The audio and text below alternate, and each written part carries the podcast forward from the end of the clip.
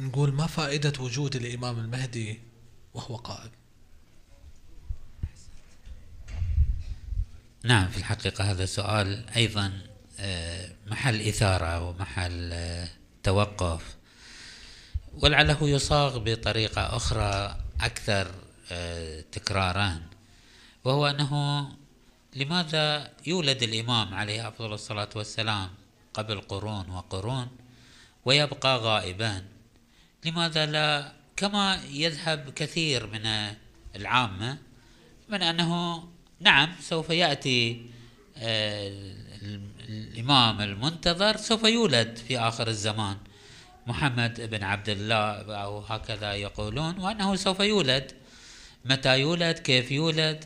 لعله هكذا طرح في في تفسير طبعا مع التسالم كما تفضل سماحة الشيخ عبد المحسن من أنه كل المسلمين يتسالمون أن الروايات والنصوص الواردة عن الرسول صلى الله عليه وآله متواترة في أن هناك الإمام المنتظر الذي سوف يخرج في آخر الزمان وأنه سوف آه، نعم يقيم العدل والفضيلة.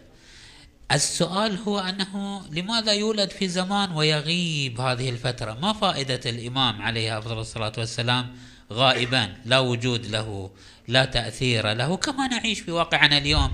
قد يقال أنه لا نجد فائدة في وجود الإمام الحجة عليه أفضل الصلاة والسلام.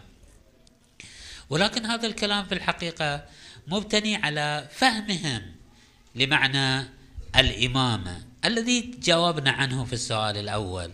من أن الإمامة ليست مجرد قيادة سياسية وأنه لا فائدة فيها إلا من خلال تواجدها المباشر وإدارتها المباشرة وتدخلها المباشر في التدافعات السياسية.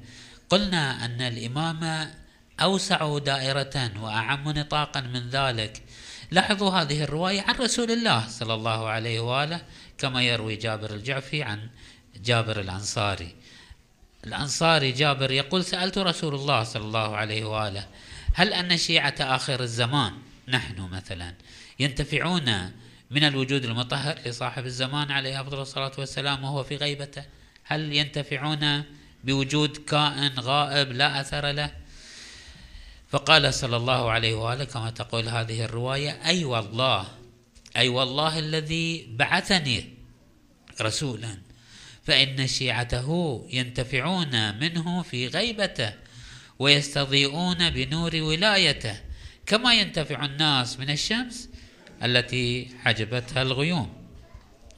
الإمام المهدي عليه عليه أفضل الصلاة والسلام ليس إنسانا سياسيا قائدا سياسيا إنما يكون فيه فائدة في التواصل المباشر مع الناس بأي نحو من الأنحاء. يعني يجب أن يكون متصلا لكي يكون له فائدة وإنما فوائده أعم وأوسع كفائدة وجود الملائكة. الملائكة يستغفرون لمن في الأرض. لولا الملائكة لتخطفتنا الشياطين. لولا الملائكة لما حفظتنا الأرض. لولا الملائكة ولولا الحجة لساخت الأرض بمن عليها. الآن بأي مقدار نحن نستوعب أثر وجود الشمس مغطى بالغيوم لعله هناك من حاول أن يشرح هذه الرواية من خلال آه، نعم تفسيرات فيزيائية وأرضية وأنه الشمس لها نحو أنحاء من الأشعة وبعض الأشعة. أنا أتجاوز هذا الكلام وأقول أن وجوده أكثر فائدة من وجود الشمس. حتى لو كسفت الشمس كيفما كان وجود الإمام الحجة عليه أفضل الصلاة والسلام. له فوائد جمة له رعاية له متابعة. نحن نحتاج إلى أن نتجاوز المعادلات الأرضية ونتعامل مع منطق السماء نتعامل مع هذا العالم.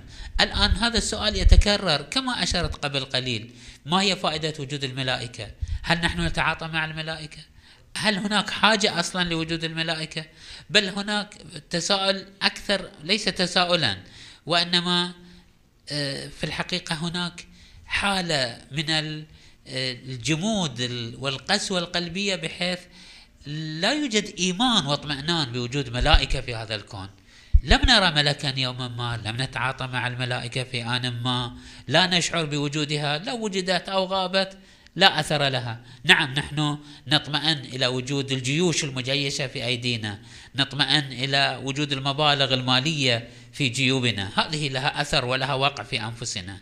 أما وجود الملائكة عدم وجود الملائكة مع أنهم لا يوجد مسلم يرى أو يقول أن الملائكة غير موجودة أو أن وجودها ليس نافع. كيف بمن يدير الملائكة وهو الإمام الحجة عليه أفضل الصلاة والسلام؟ اذا هو هذه المشكلة مشكلة فينا نحن. ليس في فائدة وجود الإمام أو أصل وجود الإمام عليه افضل الصلاة والسلام.